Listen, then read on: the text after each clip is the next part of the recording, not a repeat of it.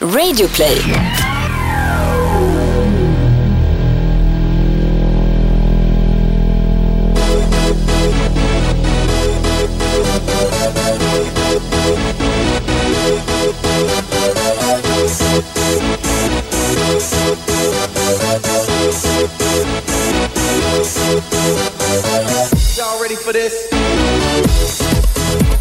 Välkomna till Toto Balutto. Det är tisdagen vi spelar in idag och eh, mitt emot mig sitter Gusten Dahlin och är hur glad då för det svenska hockeyguldet i VM?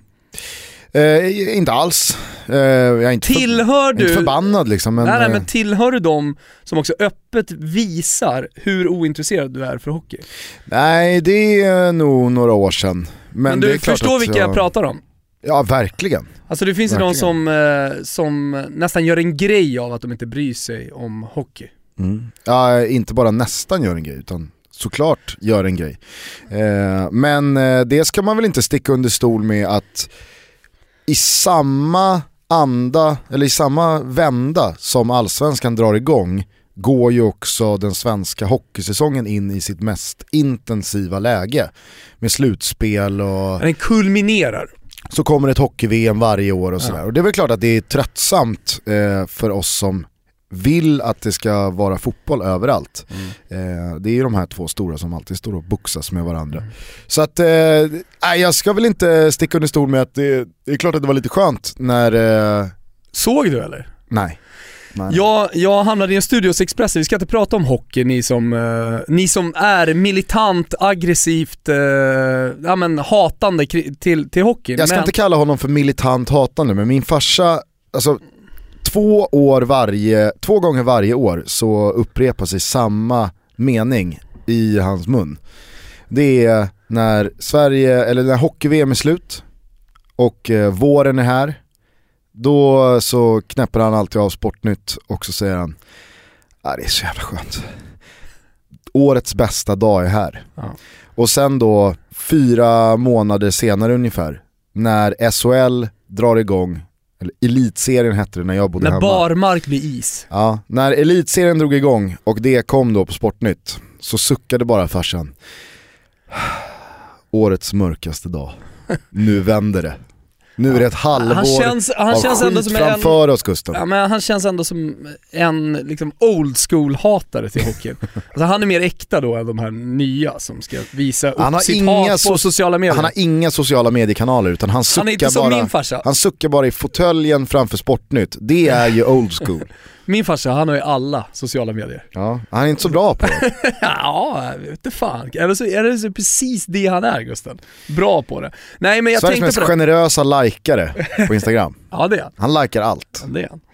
Eh, nej men jag tänkte på det eftersom jag då jobbade med eh, hockeyfinalen eh, så började jag ju kolla, det är ju jävla konstigt alltså. Tankarna går ju hela tiden, när jag ser någon annan sport än fotboll så går ju tankarna till italiensk fotboll på något konstigt jävla sätt. Så jag hann ju med under den här sändningen att göra jämförelsen Totti Eh, och han, Francesco Totti spelade ju i Verona, de mötte ju Chievo i en jävla ja, galen Mär- tillställning. Blev, tillställning. Ja, jävligt märklig tillställning. Det blev ju till slut 5-3 till Roma tror jag. Mm. Hur som helst, eh, det var en ung eh, italienare som hoppade in i Chievo som var 16 år gammal. Eh, Då hann jag i studion då, hann jag göra jämförelsen när William Nylander hoppar på eh, Henke Lundqvist, alltså med Totti då, den här 16-åriga grabben, det fanns en fin bild. Eh, och, och jag hann också göra jämförelsen med det italienska landslaget och det svenska landslaget. För att auramässigt så liknar Henke Lundqvist väldigt mycket Buffon. De är de här lugna typerna. Jag säger inte att de är jättelika utseendemässigt men det Du kan, vara, finns du, också sist, någonting. du kan vara sist på bollen här. Ja, kan jag vara det? Ja. Ja, okej. Ja, men det, och det kanske är för att jag inte riktigt då har eh, liksom mina tår och, och sådär doppade i, i den stora hockeyvärlden. Så jag känner inte av sånt där. Men Alltså, till och med farsan drog? Henke Lundqvist Buffon-grejen Ah, för ja, men, ett år sedan. men det stora var i Då alla är det fall... illa. Ja okej, ja, men det stora i alla fall, det var inte bara Henke Lundqvist, men, men jag kände att det fanns något Liazzurri ja, men aktivt över det svenska hockeylandslaget. Eh, för det fanns en stark defensiv, det fanns också så här tydliga stjärnor i backlinjen, även om det är femmer liksom i hockey. Det fanns också den här nummer 10-spelaren, artisten i laget som gjorde det oväntade. Som också blev så extremt tydligt när man satt och kollade. Jag som inte kan speciellt mycket om hockey såg att ah, han, Mick, eh, äh, Micke Nylander, William Nylander tog liksom konstpauser i spelet där allting handlar om att gå rakt på mål. Att få in pucken mot mål liksom i slutet, det Kanada är jävligt bra på. Då tog William Nylander bara pucken liksom och stannade upp. Och då öppnades det upp ytor helt plötsligt. Och det liknade liksom den här klassiska italienska fantasista typen Sola, Baggio, eh, ja nu för tiden då Insigne och så vidare. Eh, och la den här geniala passen eller gick mot mål och tog ett skott och så vidare. Eh, och, och, och, när man då mötte som underdog, som Sverige ändå var mot Kanada, eh, så lyckas man ändå utmanövrera kanadickerna genom att spela jävligt smart försvarsspel eh, och ha en tanke hela tiden i anfallsspelet, vilket som jag tycker är det här taktiska då, eh, ofta beskrivet eh, ett bra eh, italienskt eh, landslag. Och för all del även klubblag. Så det, det, det, det kändes som att på något sätt, för att hitta någon slags glädje där, eller hitta, man vill ju alltid ha en, eh, en referens, alltså en referenspunkt eller liksom någonstans som man verkligen kan gå till i en match som man inte har stora känslor för, så man kan skapa det här. Det tror jag man känner även i fotboll ibland. Man kanske hittar någon spelare och gör honom till sin gubbe, det är ju du och jag ganska bra på. Man kollar på en rutten Europa League-match mellan Apoel Nicosia och vad vet jag, Bate Borisov. Ja men då hittar vi Boy Waterman i, i mål. Och så tycker vi ändå att det blir en ganska trevlig match, även om spelet kvalitativt eh, är uselt. Ja, hur eh, landade din liknelse hos Leif Strömberg? Strumpan? Fattade han eh, vad du snackade om? Han, han, han eh, började ju själv dra fler och fler fotbollsreferenser så jag tror på något sätt att han tyckte att det var en ganska trevlig stund. För att Annars det känns som Leif Strömberg honom... hundraprocentigt kompatibel med att avsky italiensk fotboll. Det är bara Abs fjoller som eh, kastar sig jo, och rakar benen. Jo absolut, men, men han lever ju liksom i en hundraprocentig hockeymiljö kan jag tänka mig hela tiden. Och sen så när han då får gå utanför det, han tror att han ska vara i en hockeymiljö på Expressen. När det helt plötsligt börjar pratas om Totti, då tror jag att han känner också lite glädje, för jag såg att han log ofta då när, när jag gjorde referenser som gick bortom käka puck och, och Scania-rinken. Ja, ja. Hur som helst avslutningsvis bara med hockeyn, så vill jag säga två ord om William Nylander som är den stora stjärnan eh, och kommer vara de kommande 15 åren lätt. Eh, alla som redan är trötta på William Nylander kan ju checka ut från kvällstidningarnas eh, löp och första sidor. Men, men kan alla då... som redan är trötta på hockey checka ut från det här avsnittet? Nej det ska de absolut inte göra. Men, jag, men här, jag vill säga någonting om William Nylander som jag tycker eh, på något sätt är ja, men kanske unikt i, i uh, idrottsvärlden. Familjen i sig, alla vet om Micke, eh, det finns en brorsa där, Peter, som också var duktig på hockey. Det, det är eh, Williams lillebrorsa Alexander som sägs då vara, så sägs det alltid om lillebrorsan, det sa som Peter också. Eh, men ännu mer talangfull. Det, det är en jävla häftig familj och där finns eh, no, någon slags grund som jag skulle vilja komma till som eh, jag tycker är jävligt fin just det här att man ställer upp hela tiden för familjen. Man såg på läktarna så stod eh, ja, men Micke och, och brorsorna, ja, men liksom hela, hela tjocka släkten Nylander och kollade. Det finns någonting genuint där. Går man tillbaka och kollar på Mickes liksom, eh, hur, hur han växte upp med hockeyn, eh, så var det ju en stor familjetragedi som någonstans eh, låg och präglade hela hans kar karriär och som jag tror liksom mm, på något sätt har kommit till William också. Det här med att man aldrig ska ge upp. För det var ju så tidigt med, med, med, med Micke Nylander, eller familjen Nylander, att pappan tog ju livet av sig, han var eh, alkoholist. Eh, Caroline Nylander, Mickes eh, syrra, har skrivit en bok om det här. Hur som helst, en stor familjetragedi. Och då är det ju tufft va, då, då är mamman ensam och vet ju om liksom, hur dyr hockeyn var, den kanske inte är det längre, men den var det på den tiden. Och det, det, man kan ju bara tänka sig hur tufft det var att vara ensamstående mamma med en ja, vad hade hon, fem, sex barn i alla fall. Skjutsa, hämta, lämna på hockeyn. Två stycken elithockeyspelare som ska liksom till och från träningarna. Tufft ekonomiskt, självklart. Det måste varit otroligt slitsamt. Och sen att liksom en hel generation efter då lyckas. Alltså dels Peter lyckades med sin hockey, Micke lyckades otroligt bra och sen så nu kommer William, kommer Alexander. Alltså utan mamma Nylander så hade ju aldrig eh, eh, Micke och Peter och i sin tur sen senare då, eh, William och Alexander och de här, de hade ju aldrig lyckats. Så utan mamma Nylander så hade det aldrig blivit någon svensk succé i det här mästerskapet. Jag tänker liksom, jag drar den röda tråden hela vägen till, till William. Och Ah, vad fan, landar en jävla schnitzel till alla mammor där ute som, eh, som skjutsar, hämtar, lämnar och ställer upp. Det är ofta papperna som får all cred. Kolla på mig till exempel, ja, men jag är tränare för Stellas eh, fotbollslag. Åh vilket engagemang du visar Thomas, vilken passion och jag är nere på träningar två gånger i veckan och jag skriver på laget.se och, och jag är tränare och så här. Men fan det glöms bort allt jävla jobb som alla mammor gör. I, i, och nu säger inte jag, alltså det finns ju, finns ju mammor som är tränare och, och engagerar sig på, på samma sätt liksom hands-on i hockeyn också och i fotbollen som är ledare och tränare och så vidare. Men, men det är ju vanligare att det är papperna som gör det och det är ofta de som också hyllas. Man glömmer bort allt jobb som görs bakom i alla fall. Och ja men någon stor schnitzel vill jag banka ut och dela, eller flera schnitzlar, en hel plåt och, och skicka ut till, till alla mammor där ute som ställer upp. Fint. Nej men eh, vad kul då att eh, du hade en eh, härlig söndagkväll med hockey. Eh, själv har jag aldrig sett en enda taktisk linje i en hockeymatch, de få jag har sett. Jag tycker bara att det, det böljar fram och tillbaks, ibland blir det mål, ibland blir det inte. Jag hade aldrig kunnat säga att de spelade ett bra försvarsspel. Jag, jag ser inte det alltså. Och jag ser inte bra anfallsspel heller. Du ser den individuella prestationen? Ja, knappt det. Ja. Knappt det.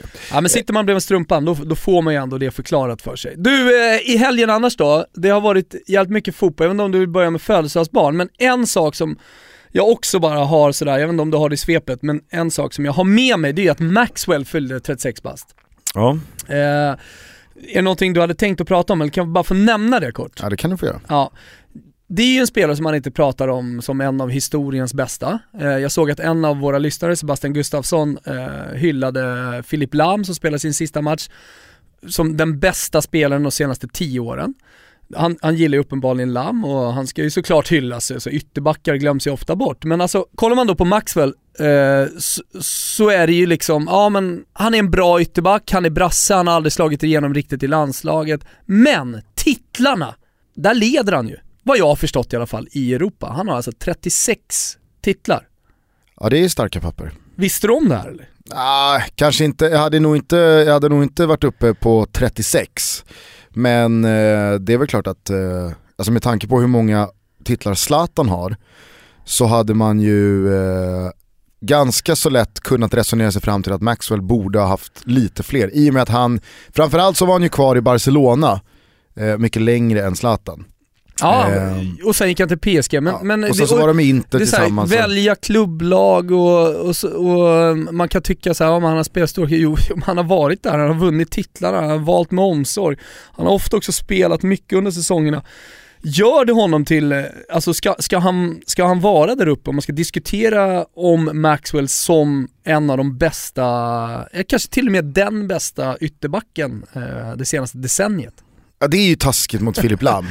ja, och många andra också. Jag håller ju Filip Lam högre än Maxwell. Ja. Och det tror jag väldigt många gör. Jo, jo, alltså självklart, men han har ju aldrig heller lyckats, vet du varför han inte har lyckats i det brasilianska landslaget? Alltså det finns så många frågetecken kring spelare varför man inte har lyckats i brasilianska landslaget. Jo men jag, jag ska säga liksom, huvudorsaken till att han aldrig riktigt fått chansen att lyckas.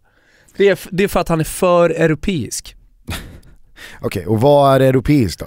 Nej, han är, han, ja men inte, du vet ju en brasiliansk ytterback alla eh, Roberto Carlos. Jag vet bara att europeer och vi här är väldigt bra på att prata om att äh, men, eh, det där är väldigt brittiskt och det där är väldigt spanskt och det där är väldigt italienskt och det där är väldigt ryskt och det där är väldigt danskt och det där är väldigt tyskt. Du vet ju hur brassarna vill ha sina ytterbackar. Och sen så hux flux så går det också att säga Fast det är väldigt europeiskt det där. Jo men det, eh, han är ju en betydligt mer liksom, europeisk ytterback än vad brassarna vill ha. De vill ju ha den här de vill ha en skicklig tekniker även på ytterbackspositionen. De vill, kolla på, um, ja men kolla på Marcello. Där har du ju liksom den klassiska också, brasilianska ytterbacken som kan göra sin gubbe på, på ett sätt som Maxwell inte jobbar på.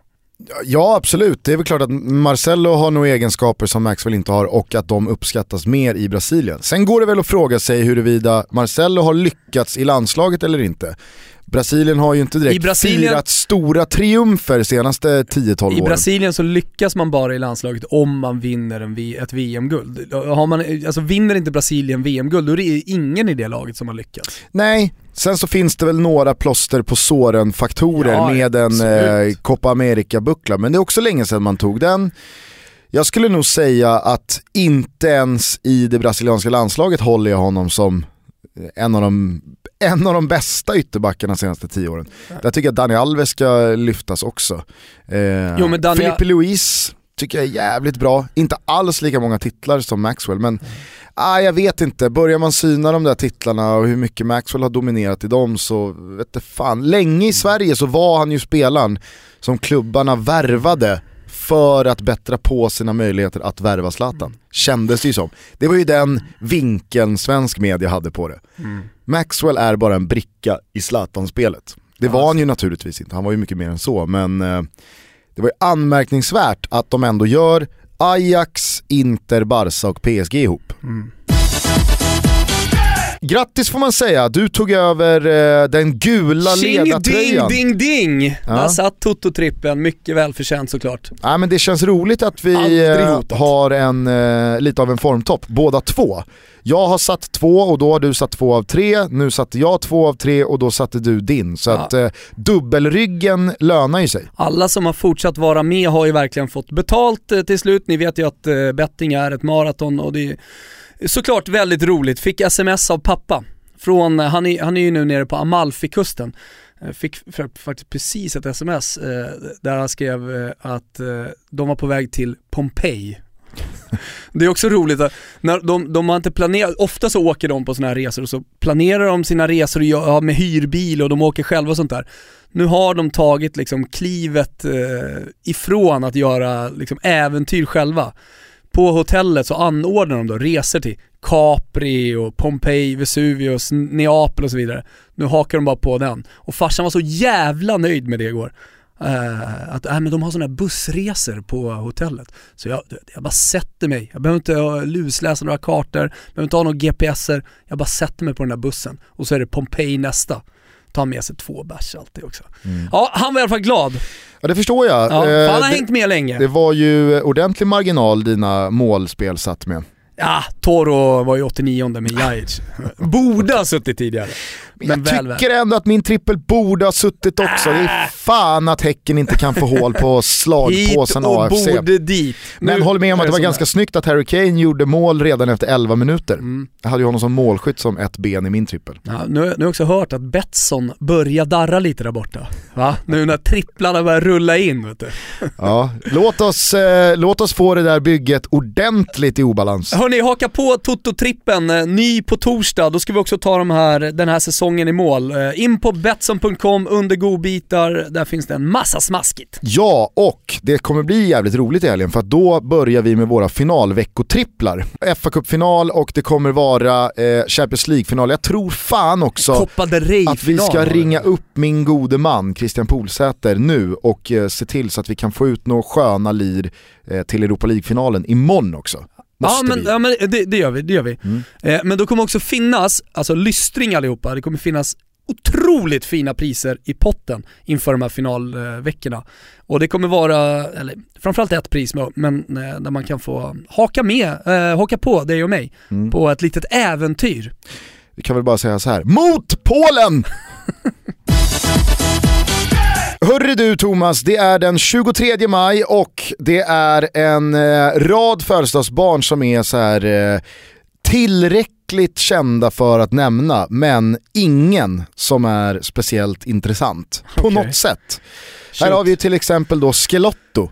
Kommer du ihåg den långhårige anfallaren som eh, ha, fick han upp hoppet? Var han för Interfansen vad Lappadula var för Milan-fansen. Hade han sett helt normal ut, Skelotto, så hade han ju aldrig liksom kommit till någon stor klubb. Alltså det var ju någonstans det här långa håret som fick honom att liksom ta ytterligare kliv i karriären efter att ha gjort en jävla succésäsong tillsammans med Jackerini när Cesena gick upp i Serie A. De två blev ju de liksom stora lysande stjärnorna i Cesena. Sen eh, blev ju, alltså det är ändå anmärkningsvärt när du lämnar Skelotto, det var väl bara något år sedan han gjorde en Bonera. Och i en intervju med Gazettan, liksom, sträckte ut handen till Antonio Conte, det var väl inför EM 16 alltså. Det kan ha varit det. Och sa, jag är redo om du, Ja, om du behöver mig så är jag redo. Otroligt magstarkt. Var är alltså. han nu? Är han i typ Portugal eller? Jag vet faktiskt Nej, inte. skit i honom. Eh, Theofanis Gekas fyller ju 37 år. Eh, Theofanis Gekas är en grekisk anfallare som framförallt skulle jag vilja påstå alldeles för länge höll i vid en frisyr som hans eh, hår inte klarade av. Ja, jag känner ändå med honom där. Alltså. Det förstår jag. Ja. Att ni har ett band eh, ihop. Man vill ju aldrig tro att dagen är kommen när man måste ta bort det. Nej, och Gekas tror jag, jag skulle vilja påstå att han går ju längst fram i förnekelsegänget. Kan vara så. Ska vi bara eh, också skicka ett grattis till Angelo Ogbonna och Hugo Almeida. Och Bonna som aldrig blev den här stora mittbacken som alla förväntade faktiskt att han skulle bli. Han var en extremt stor talangspelare i Torino, skulle gå till Juventus, gick till Juventus eh, men eh, blommade aldrig ut sådär som man förväntade sig. Man kan väl vara schysst mot Ogbonna och påstå att det var ju kanske den svåraste miljön there is att försöka slå sig fram i. Ja, ja det, det visar ju inte Anna, eh, alltså nu sitter vi med facit i hand. Vad, vad har Juventus back, backlinje åstadkommit de senaste åren? Så många trodde ju att han skulle gå in och ta över efter Chiellini eller ja, men alltså han var ju en större talang egentligen rent fotbollsmässigt än Bonucci. Eh, Men, men eh, den backlinjen är ingen som flyttar på. Nej. Ogbonna känns också som att han har en Bonera i sig. Ja, Sträcka ut handen här nu till Ventura.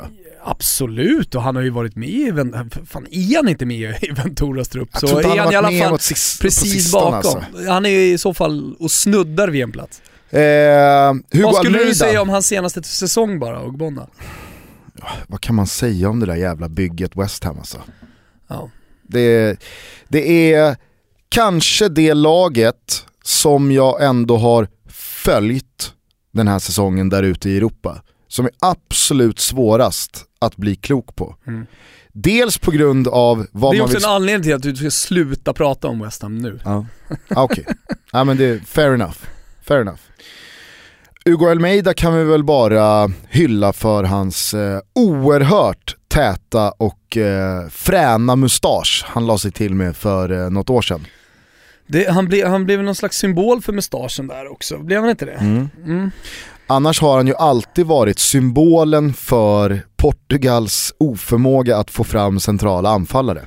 Han har ju alltid fått bära hundhuvudet för en brist på en position med då orden Hugo Almeida är det bästa vi har. Och det var ju flera spelare då innan honom, alltså vi hade Pauleta och Helder Postiga och där fanns en Nuno Gomes och det finns säkert fler att fylla på med.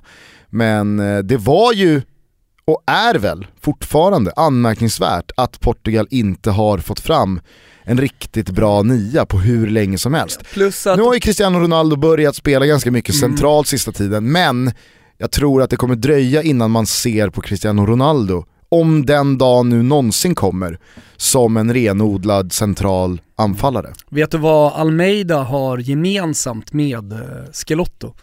Nej. De spelade ju tillsammans i Cesena. Alltså det säger ju framförallt eh, väldigt mycket om eh, Almeida och hans karriär. Alltså var han har varit. Jag tror han, ja, han gjorde väl en tio matcher någonstans där, men han gjorde inte ett enda mål. Det är vad jag kommer ihåg från hans sena tid i alla fall. Och, och trots det så, han ju, så har han ju hela tiden, och då också väl varit eh, fast i det portugisiska landslaget.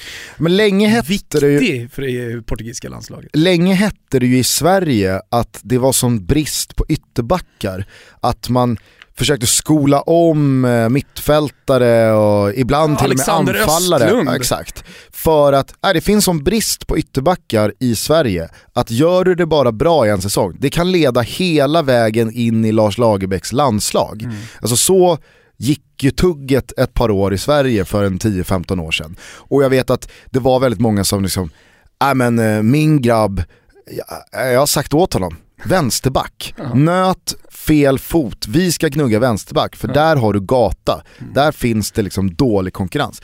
Det är otroligt ändå att det snacket kanske går i Portugal om att vara central nia. Mm. Alltså den positionen som rimligtvis väldigt många unga fotbollsspelare vill ha.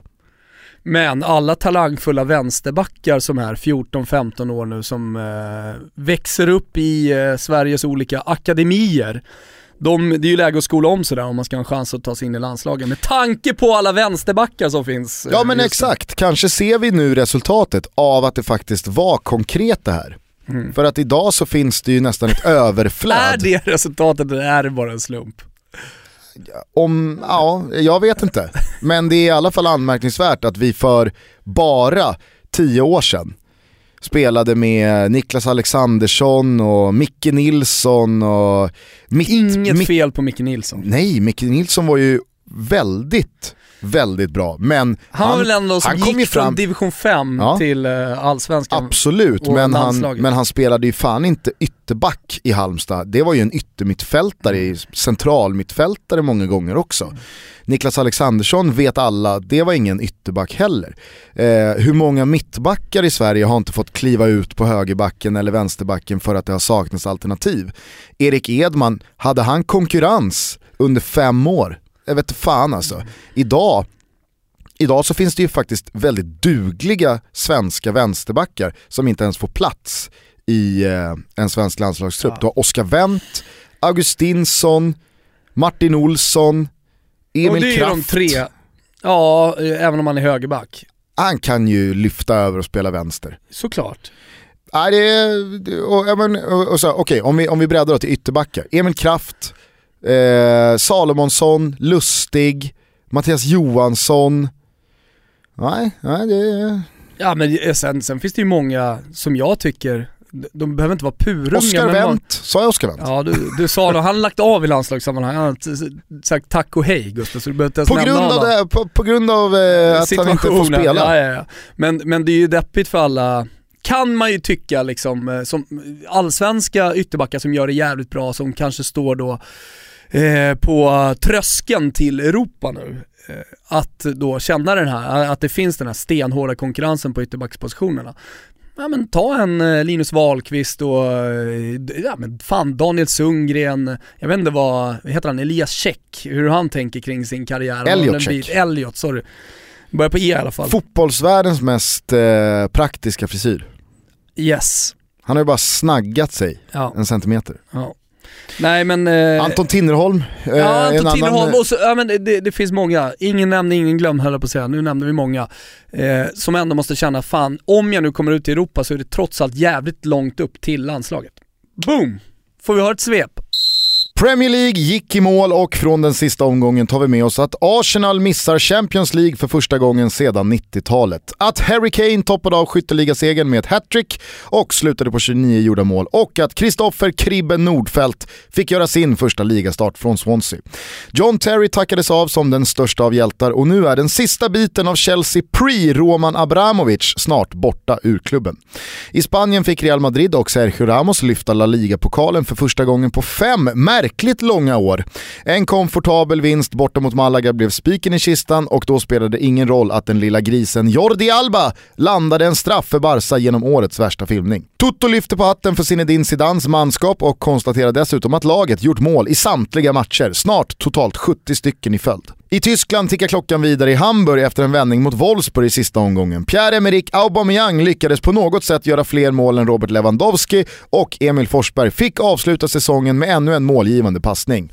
Om hur många exakt det till slut blev tvistar de lärda, men Lill-Foppen kan oavsett vad titulera sig Tysklands ohotade assistkung med sina 20-ish framspelningar. I Italien fick Juventus lyfta sin sjätte raka ligatitel och flertalet spelare, främst i de bakre leden, har varit med och vunnit samtliga. Rekord! Napoli gjorde kallfärs av Fiorentina och den lille belgaren Dries Mertens står nu inför sista omgången på 27 gjorda mål. Ett bakom Romas Edin Dzeko, en extremt imponerande målskörd av yttern som blev en nödlösning centralt i anfallet när Arkadius Milik gick sönder tidigt på säsongen. I Allsvenskan lyckades inte Häcken få hål på AFC, Peking tog en rejäl skall på Swedbank när Malmö inkasserade sin första förlust för året och hux flux var den redan avgjorda serien vidöppen igen. Detta också efter att AIK hållit nollan för femte matchen i rad och Simon Tern gjort sitt första mål för Gnaget i derbyvinsten mot Djurgården. Magnus Haglund verkar ha fått lite lugn och ro efter två raka segrar i Elfsborg och i Sundsvall kunde Tobias Hysén bli den första spelaren på 2000-talet att nå 100 mål i Allsvenskan. Men är Tobbe klar? Nej, Tobbe är inte klar. Ytterligare nätrassel betyder 101 gjorda och den gamla kan en. On to the next 100. Jag har ju Tobias Hysén i min manager-elva, Simor har ju en sån där. Så blev ju såklart glad för målen. Jag hade ju glömt att byta ut eh, Sundgren, eh, Linnér som jag har i mål. Jag hade också Hamad som lagkapten. Jag hann inte göra bytet helt enkelt och det, det slog ju jävligt illa för mig. Men eh, lite då plåster på såren med eh, Hyséns doppietta mm. i, i helgen. Jag har ju eh, de, de, det gamla anfallsparet, många har ju varit liksom, ja, men gått på Cibicki-spåret och du vet, nya spelare som känns fräscha.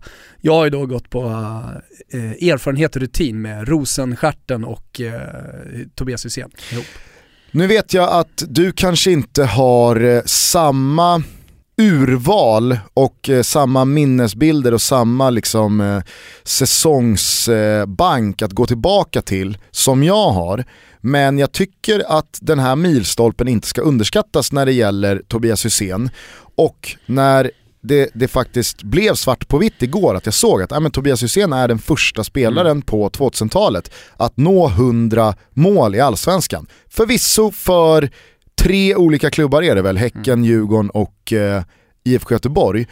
Så vill jag ändå påstå att Tobias Hysén nog fan är där uppe. Du pratade om Maxwell som den kanske bästa ytterbacken de senaste tio åren. Kanske lite raljerande, kanske en liten passning till alla där ute som tokhyllar Filip Lam. Jag vet inte, men om man ska värdesätta Tobias Hysén så kanske han ändå ska nämnas som den, inte bästa, för där blir det ofta så att en anfallare gör en eller två, max tre säsonger i Allsvenskan och sen lämnar för ett proffsäventyr utomlands. Det har ju skett även för Tobias Hysén, men då det gick lite halvknackigt i Sunderland kom han tillbaks ganska snabbt. Han hann dessutom med en kortare vända i Kina. Så att han har ju varit ute på sina rutter också, men han har ju nu, han måste ha en, kan han ha en 11-12 säsonger i Allsvenskan? Vilket gör honom till den kanske inte, du, kan, ja, men, du fattar varför jag inte vill säga bästa. Enkelt, nej men du kan göra enkelt för dig och bara stoppa in honom i facket allsvenska fotbollsspelare eh, och, och väga in de säsongerna.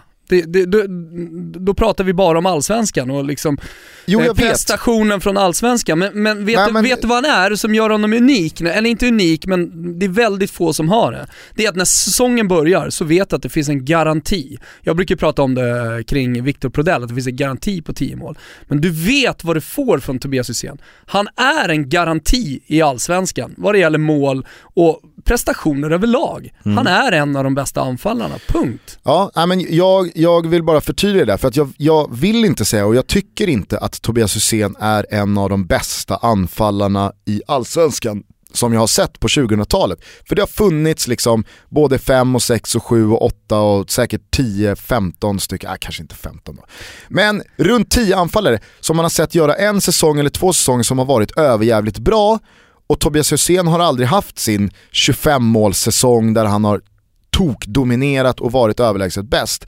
Men med det här så måste jag nog ändå börja omvärdera Tobias Hysén som kanske en av de Ja men vad fan, skitsamma jag säger det då. Bästa anfallarna i Allsvenskan senaste 20 åren. Det, det, du, behöver inte, du behöver inte vara orolig liksom. Nej, för, för att du sticker orolig, inte ut någon bara, haka. Nej, han är, ut... klart han är en av de bästa anfallarna de senaste. Fan det är väl ingen snack snacka om. Ja, Snacka om all, vi, vi, vi pratar om allsvenskan liksom. Det är självklart att han är där. ja, ja absolut, men det blir ibland svårt att jämföra spelare som har gjort 10-11 Ja, år ja, ja, i Allsvenskan Men- med anfallare som kanske bara gjorde Jag förstår vad du två menar, alla innan man fattar drar. vad du menar. Och det, det, det, det är väl en självklarhet att han är där. Mm. Mm.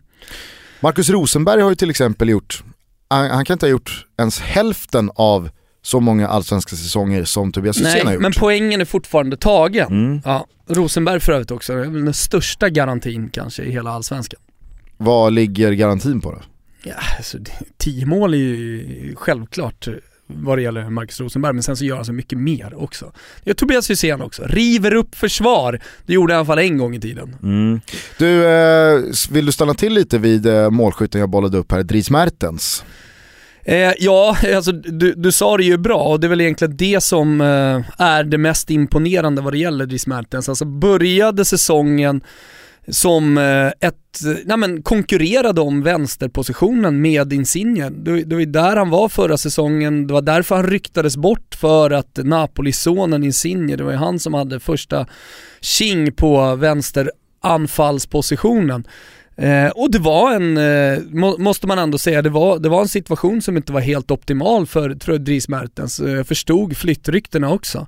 Sen som du sa, eh, Milik inledde säsongen otroligt bra. Det fanns inte riktigt plats för eh, Dries Mertens. Och sen så då som nödlösning, bara komma in, är ju så långt ifrån en modern nia som man kan komma.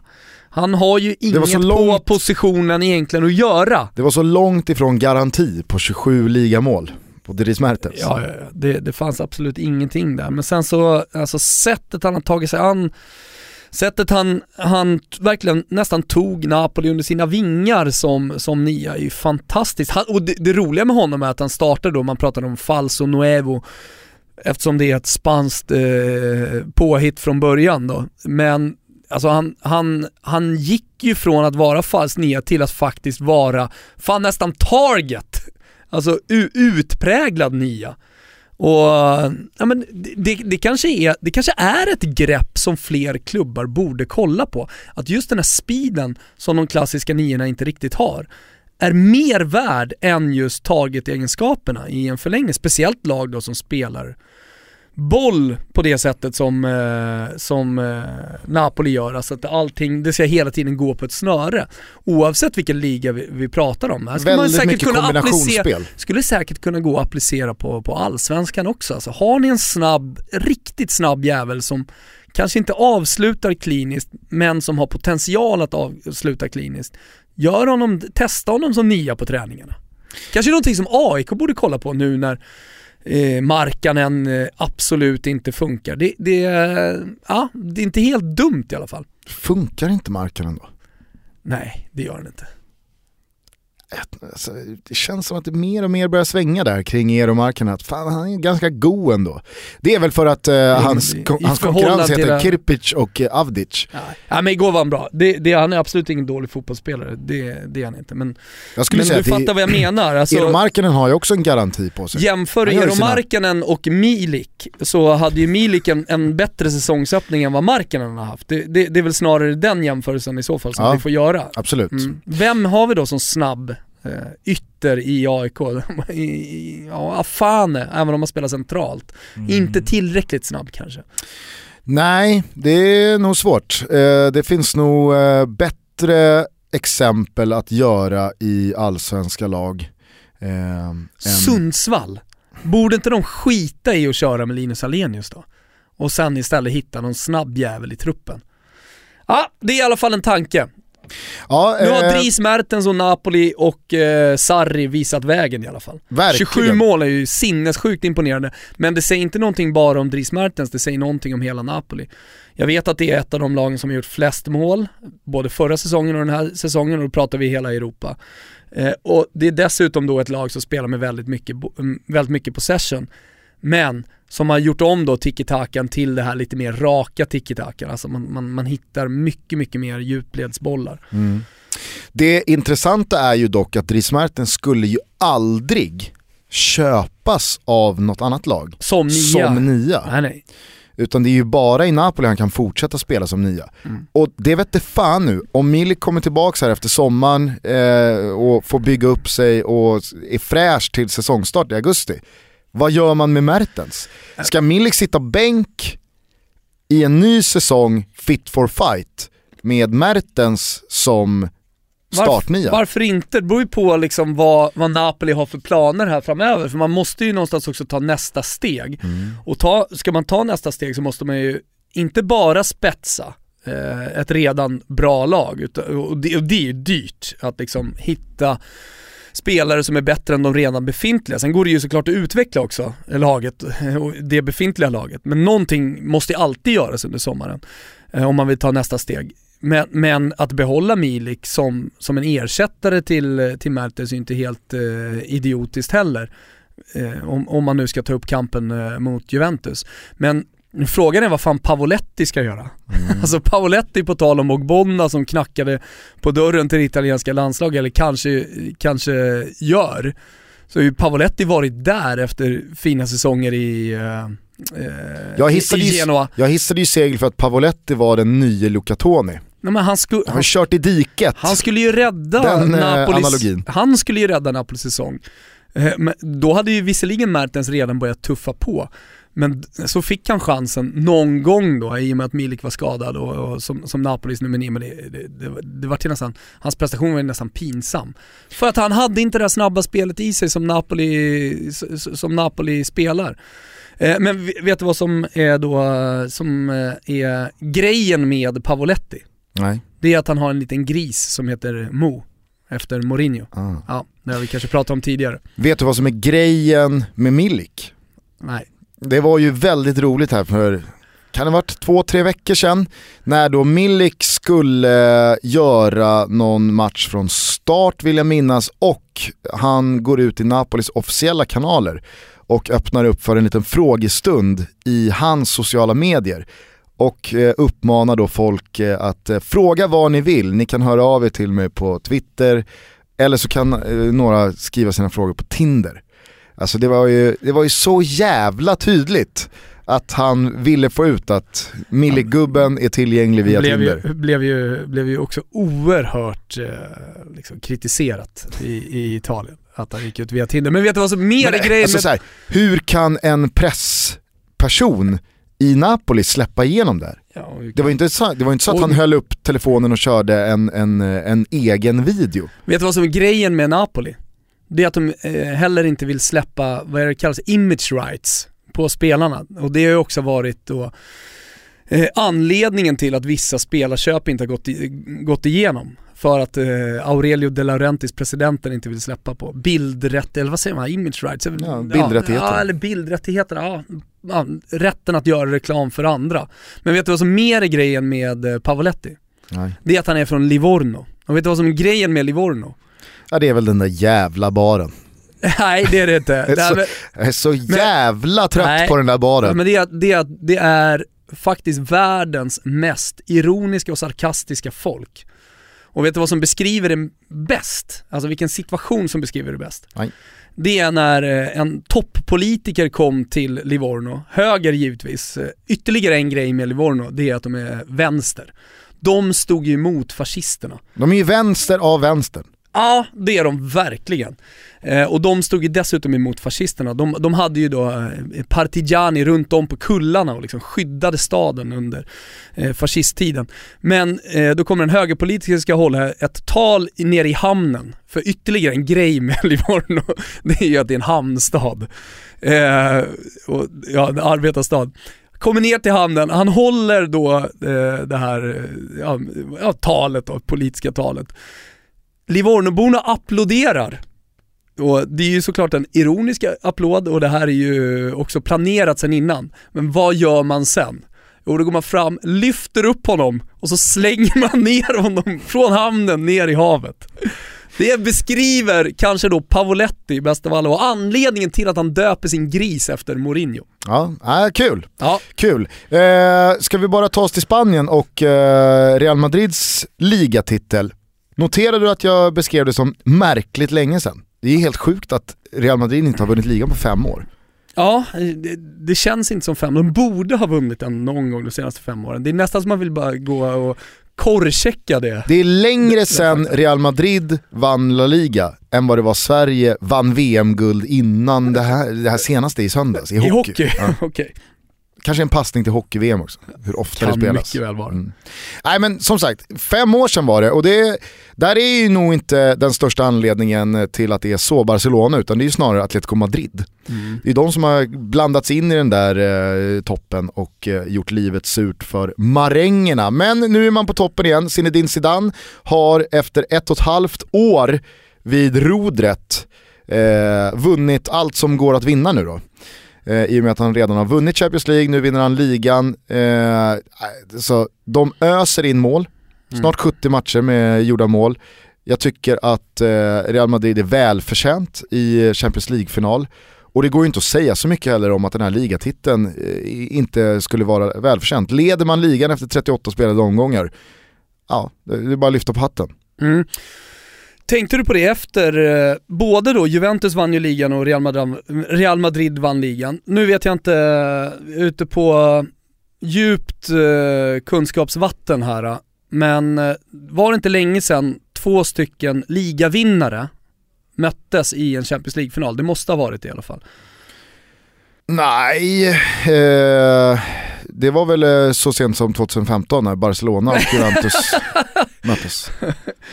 ja, ja. Hur som helst. Va?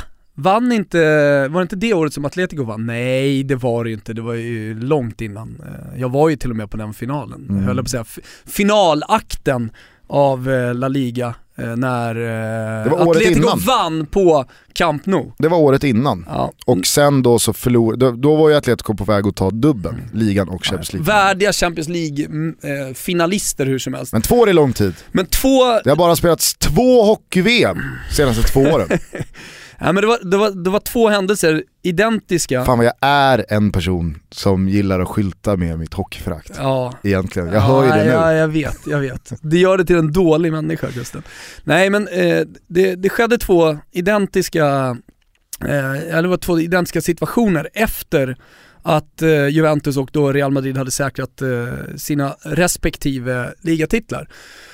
Eh, och ja men, så, det, det, gjorde mig förbannad i alla fall hela, hela, hela eftermälet av det här.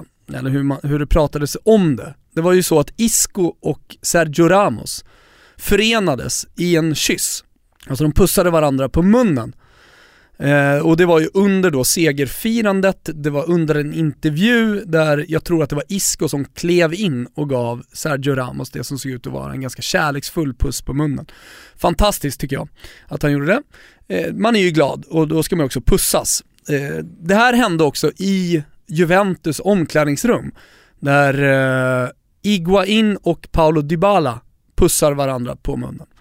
Och det är vad det är, alltså de, de, de är glada och då är det klart, klart att man kan både kramas och pussas. Men vad händer då i, i världen? Alltså dels i media, alltså stor etablerad media, jag har sett det i Corriere dello Sport, sådana spanska tidningar.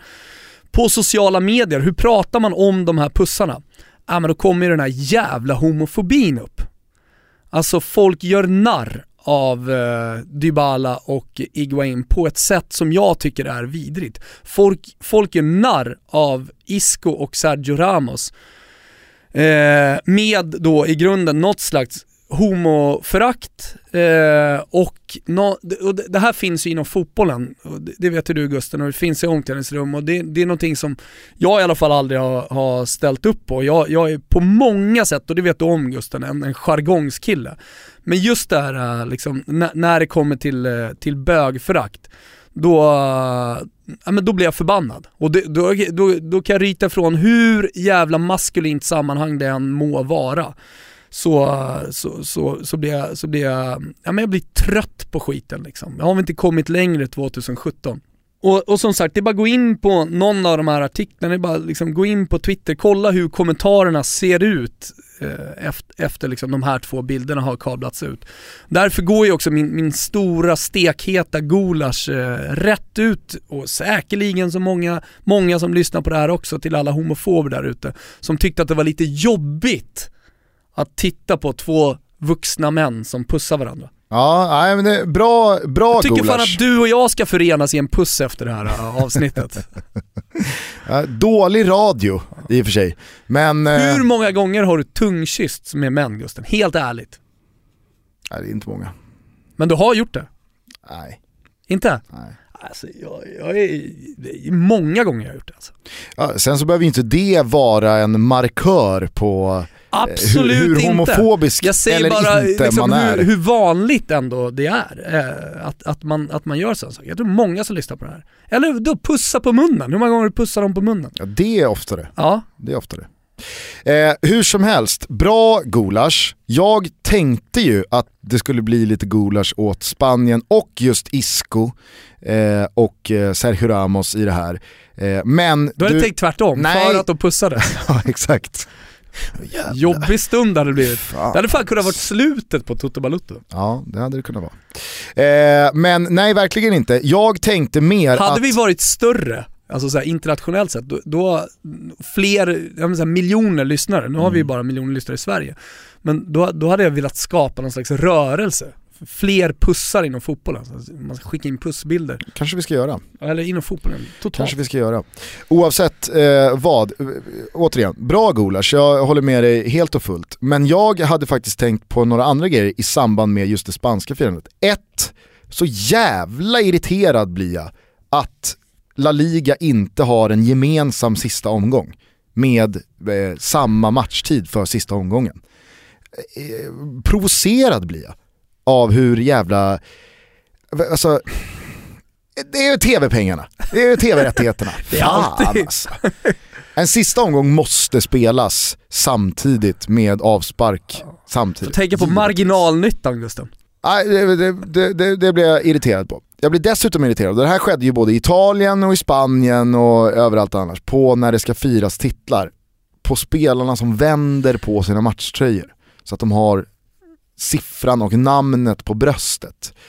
Rädsla för att liksom, vet ni inte vad jag heter? Vet ni inte vem jag är? Jag har faktiskt inte tänkt Här på lyfter jag bucklor och nu ska ni se. Ja, det har eh, många yngre. Vi kan säga så här. Buffon och Barzagli i Juventus, de vänder ju inte på några tröjor.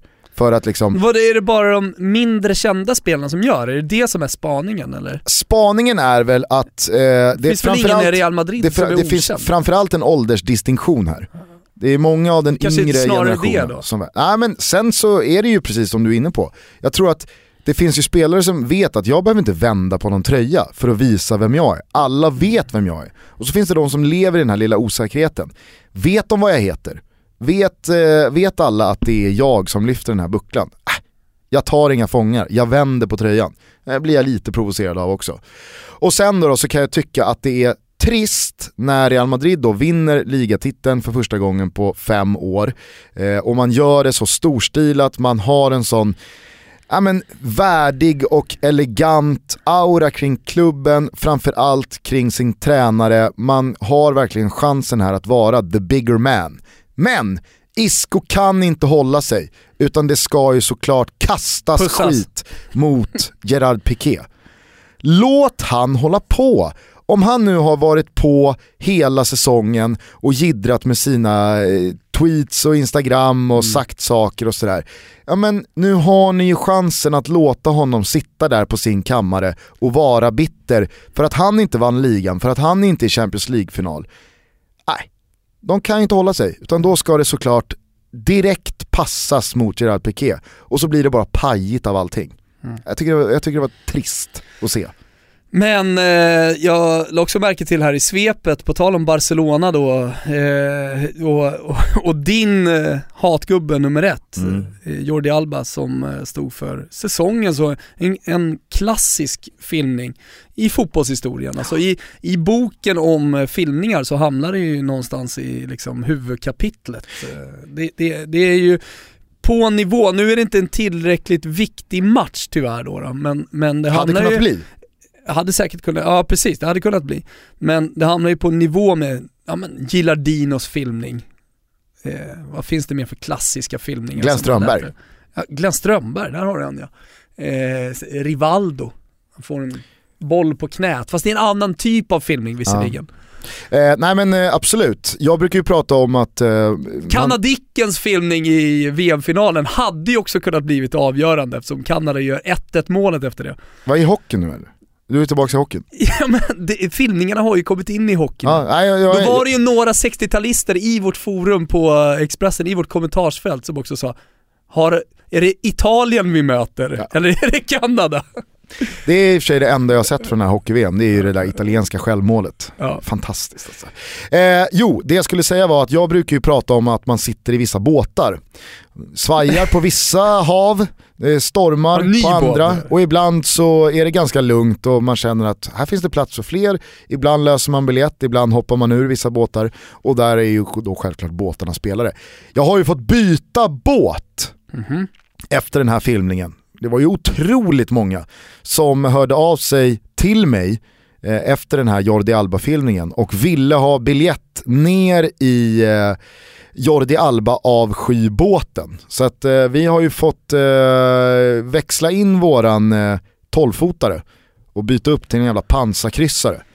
Så att eh, nu finns det ett par pansarkryssare där ute på havet. Det är ju avsky mot Jordi Alba-kryssan, Ja. det är Per Frick-båten, Ja, vi har många, vi har många. Vi återkommer gärna till dem också. Många är säkert trötta på det också. Fellaini-båten är inte stor. Nej, och nu, Men- nu har vi också, nu har vi också eh, pussbåten som man gärna får hoppa på. Ja. Mm. Eh, så får vi se huruvida vi behöver eh, byta båt kring Fellaini efter onsdagens Europa League-final på Friends Arena i Stockholm.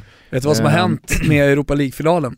Nej. Den var ju i mina händer, i och med att jag har krönikerat Europa League då hela säsongen för Expressen. Mm. Så såg jag ju fram emot att gå på den här matchen. Ah, blev studio för mig istället. studio här på, en, en trappa upp på Görvelsgatan.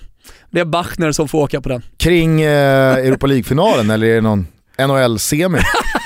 Ja, nej. Det, Du och Strömberg. Du och Leffe. jag och Strumpan. Eh, nej, fan. Eh, det, det, det är Europa League-finalen. Ja. Men jag ska till Cardiff. Det är jag glad för. Fick snyggt. bekräftelse här för någon dag sedan också. Jag har fått eh, akkreditering. Härligt är det! Ja! Tack också till vår sponsor Fitness 24-7. Tack till Mallan, om jag, Segeltorps Finest. jag vet inte fan om jag är sugen en sån här dag och tacka Malin för det hon håller på med. Jag har ju två stycken, alltså träblock. Ja, igår, till vader. igår körde hon skiten ur våra ben. Mm. Det gjorde hon sannerligen. Men du, det går framåt. Har du sett att magen börjar försvinna eller? Ja, sen är det alltid svårt. Hörru. Det är alltid svårt att eh, notera viktnedgångar och sånt med personer man träffar varje dag. Men någonting kan du ändå se. Det går ju åt rätt håll, Ja. så kan vi säga. Eh, många vet ju vad det här handlar om, jag och Thomas kämpar mot varandra för att gå ner så mycket som möjligt i vikt under sju veckor tillsammans med Fitness 24-7. Betsson har varit väldigt kreativa och roliga och hakat på det här genom att oddsätta oss, Thomas är favorit. De här spelen hittar ni också under eh, godbitar och boostade odds under Toto-trippen. Men framförallt så vill vi ju att Vasskampen blir en rörelse där så många som möjligt börjar träna, försöker komma i så bra form som Än möjligt finns till chansen hörni. Så att man kan dra av sig tröjan på stranden och eh, känna sig ganska tillfreds så att man slipper ställa sig i vassen för att dölja de där badringarna. Eh, men om man nu saknar ett gym att träna på så erbjuder Fitness 24-7 möjligheten att då träna gratis eh, första månaden om man tecknar ett abonnemang. Dessutom tre PT-pass gratis. Ja det ligger ju i potten då om man skulle vinna vasskampen för att det här handlar om att då börja träna och eh, skicka Eller in om ni bilder redan tränar alltså. Vasskampen, hashtag, rätt in på Instagram. Se till att dela med er av er, er träning. Många har redan gjort det, många är med och tävlar om fina priser. Vi kommer också slänga in Toto-t-shirts som, eh, som lite tröstpriser. Eh, så var med, hashtag vasskampen. Ta chansen nu, det finns, eh, finns möjlighet för alla att komma i lite bättre form inför sommaren. Det finns länkar via våra sociala medier eller så är det bara knalla rätt in på ett Fitness 24-7 gym och säga jag vill joina Vasskampen. Tack Fitness 24-7. Jag vet ju att eh, det ibland finns en del som hör av sig och tycker att det är för mycket Stockholmsfokus och tycker att det doftar lite för mycket Gnaget. Eh, men det håller ju inte vi med om, vi försöker vara nyanserade. i svallvågen av detta så tycker jag ändå att det är på sin plats att man pratar bara kort om Stockholmsderbyt igår kväll. Djurgården-AIK, AIK vinner med 1-0. Alla vet ju att Djurgården inte har vunnit ett derby på hur länge som helst och jag tror att alla djurgårdare kände själva att är det något derby vi ska vinna mot Gnaget så är det det som spelades igår. AIK hade ett par tunga avbräck, både skador och avstängningar. Djurgården kunde i princip formera bästa lag. Eh, det var fullsatt, det var Tele2. Ah, ni, eh, ni kan mm. det här, Djurgården har inlett starkt. Men det blir alltså ännu en förlust och Kenny Stamatopoulos får ju verkligen kröna den här veckan. Han får toppa av förra veckans dubbelpanerade kalvschnitzel med en extra sked kapris med den insatsen. Det var ju starka bilder efteråt, Björn Oldén gör en intervju tätt på slutvisslan, Stamatopoulos gråter. Är Jonas han... Dahlqvists exit eh, och sabbatsår, eller vad vi ska kalla det för, eh, är det, vad heter han, Björn Aldéns? Oldén. Oldén, Björn Oldén? Mm. Vad är det för namn? ja, eh, Björn Oldén, är det hans liksom, ja, men stora glädje då? Och han, han har fått chansen då att verkligen bli den, den nya stora reporten kring Simons sändningar? Nej det skulle jag inte vilja påstå för att Björn, Björn Oldén är hockey.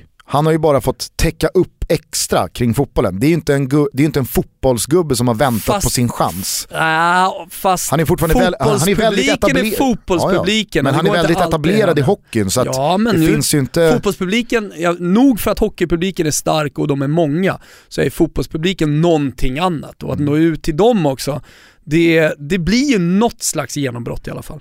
Ja, sen så går det ju upp och ner. Bara i sändningen igår så svarade ju till exempel då Jonas Olsson väldigt besviken, eh, Björn Odén att dumma frågor får dumma svar. Jag vet, men det spelar ingen roll. Alltså bra PR, all, dålig, PR. all PR är bra PR. Ja, kanske, jag vet För inte. Björn Oldén är det det i alla fall i det jag sa så tycker jag inte att Björn Oldén ska behöva spela någon huvudroll i alla fall. Jag ville fokusera på Stamatopoulos tårar. Årets pratar, genombrott, Björn Oldén.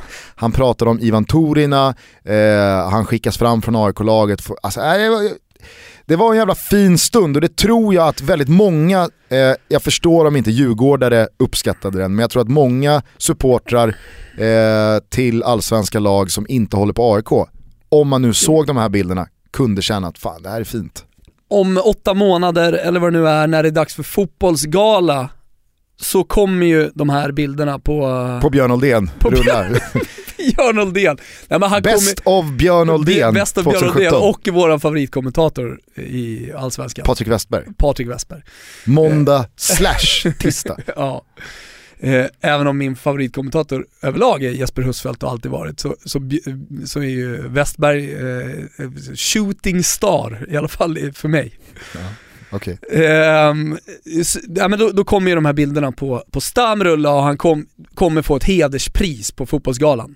Ja det hoppas jag verkligen. Ja, Inte för den här självklart. matchen eller tårna så. Men det är ju 100%. Såklart då för att... 100%. Man har ju missat att dela ut priser förr nej, nej, nej. på de där galorna. Här, det här kommer man inte missa. Skulle inte förvåna mig om han också står på en Fifa-scen eh, om, om, ja, inom ett år. Kanske Stam. får han då motta priset av Thomas Bodström, numera Fifa-topp. Förvånad, trots att jag är aik förvånad över att Stam inte pratar svenska.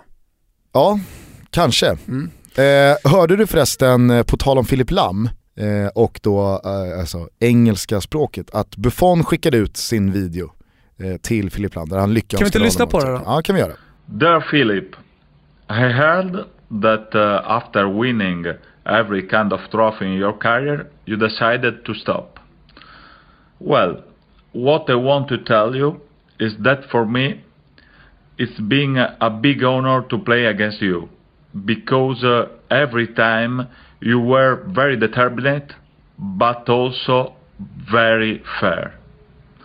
Good luck for the future in football or any other field of your life. Ciao ciao da Gigi. Jättefint av Buffon sådär, det, och på tal om, alltså, det där var ju inte Milik, eh, att jag finns på Tinder hörni. Utan det där var ju Buffon som fick feeling. Nu vill jag tacka Filip här för en lång och fin karriär. Men det var roligt eh, för att vi lyssnade ju på Mazzarri eh, förra avsnittet. Och det finns ju någonting med italienare när de säger ordet because. Because. because. Kim, ska vi bara lyssna igen på Mazzarri och Buffons because. Because. Because. Uh, because. Because. Uh, Vi kan ta vilken italienare Alla som helst. säger Random, because. random italienare, vem som helst. Jag skulle kunna, liksom, jag skulle kunna sitta i timmar och Ja. bara lyssna på italienare säga because. Ja.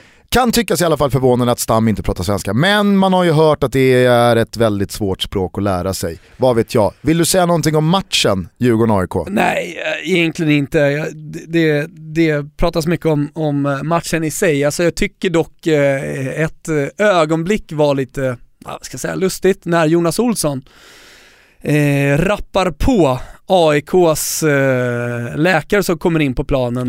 Stefan- Ja, Lucho, exakt. Det var många som var tidigt ute på den. Han vet, då, Jonas Olsson vet inte vem han tjafsar med här. Du såg ju också blicken på Lucho när han får eh, dunken i ryggen eller på huvudet eller vad det nu är från Olsson.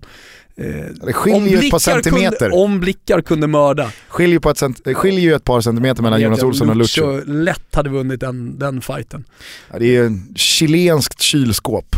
Ett chilenskt kylskåp, kyl- kylskåp helt klart. Är det svensk fotbolls lägsta tyngdpunkt? Lucho. Eh, säkerligen. Han är för övrigt, nej, det är en så jävla svag koppling. Ja. Vad? Min bästa polares syrras dotter är tillsammans med Luchos son.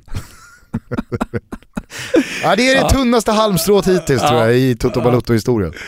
Ja. Eh, Om du inte vill säga någonting om Djurgården-AIK då, så kan vi väl i alla fall bara kort beröra att Malmö åkte på sin första förlust. Eh, I och med krysset mot Hammarby i omgången innan så har man nu bara en poäng på de senaste två. Och nu är det ju helt plötsligt öppet igen. Det är AIK-Malmö på måndag. Jag säger inte att AIK plockar några tre enkla där, men skulle det bli ett poängtapp till, ja men då har ju Norrköping eh, chans att gå förbi, du har Häcken där uppe, Blåvitt verkar ha värvat upp, Elfsborg lika så, Djurgården har gjort en bra start. Fan, det, det kanske blir en, eh, en härlig säsong det här ändå, Nej. ovisst. Malmö springer. Du tror det? Ja, jag, jag får stå för det. Jag sa det förra året, jag sa det i år igen. Ja, jag, tycker att, jag, jag tycker i alla fall att det är, det är såklart att det är anmärkningsvärt många bortfall på kort tid i den här Malmö-truppen. Men det som var allsvenskans överlägset bredaste trupp och det här går inte att misslyckas med. Magnus Persson kan till och med rotera och skicka in norska landslagsmän och ja, Men ni, ni vet vad om det nu handlar är, om. Men nu om är det nu det, är alltså, tight, om nu är det det- juniorer på bänken, det är många i sjukstugan, det är en del avstängningar, poängtappen har börjat komma, Norrköping ser superfina ut, Häcken ser oerhört stabila ut. Tänk när Häcken får igång sitt anfallsspel också. Fan, kanske är de som helt enkelt springer iväg. Och lite, och lite samma sak gäller väl AIK. Alltså, där har ju Det defensiven... känns som att det finns eh, några växlar till ja såklart, Ja. Efter, efter en stark sommar. Aj, spännande alltså, roliga tider eh, och det känns jävligt skönt faktiskt att eh, när den internationella säsongen lider mot sitt slut, nu återstår ju bara några cupfinaler, alltså har vi allsvenskan att hålla hårt i handen där. Det är ju ett par riktiga superomgångar kvar här innan vi tar uppehåll för U21-EM. Nu är det inte många Toto-tischer kvar. Nej, De har gått som smör.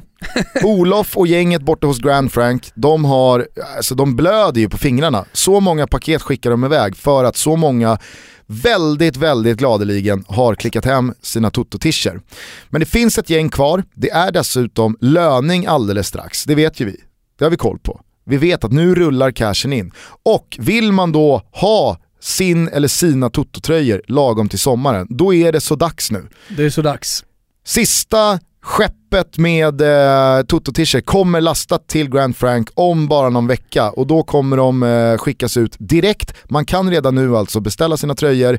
Olof skickar ju ut dem personligen så fort han får hem dem. In på grandfrank.com slash tutto så Mm. hittar ni t-shirtarna där och eh, dessutom ett eh, supererbjudande från Grand Frank. Handla för 1500 så får du Toto-tishan på köpet. Nej, 1494, sorry. Jag 14,94. såg nog hur du skakade på huvudet där. Nej, väldigt roligt att se alla som skickar in också bilder på sig själva i sina Toto-tröjor. Eh, såg de ju bland annat på Stadsparksvallen när eh, J Södra mötte Djurgården. Eh, så fortsätt gör det, vi blir lika glada för varje bild vi får och det känns som att eh, de här tröjorna de är ett steg eh, närmre Toto-familjen, alltså att komma närmare varandra. Och vi älskar er, fortsätt att lyssna på vår podd. Vi är snart ute igen med vad vi tror är i alla fall ett äh, gästavsnitt. Äh, vi kommer såklart ta den här äh, säsongen i mål, sen så ska vi bege oss till Polen, vi ska göra U21-EM. Johanna och... Frändén kommer nästa vecka. Johanna Frändén kommer bara nästa vecka. Mm. Fan vad tiden går fort. Ja. Äntligen är det dags. Verkligen. Ja. Så mycket som händer. Toto Balotto hörni, sprid vårt gospel, tack för att ni lyssnar. Big love. Big love.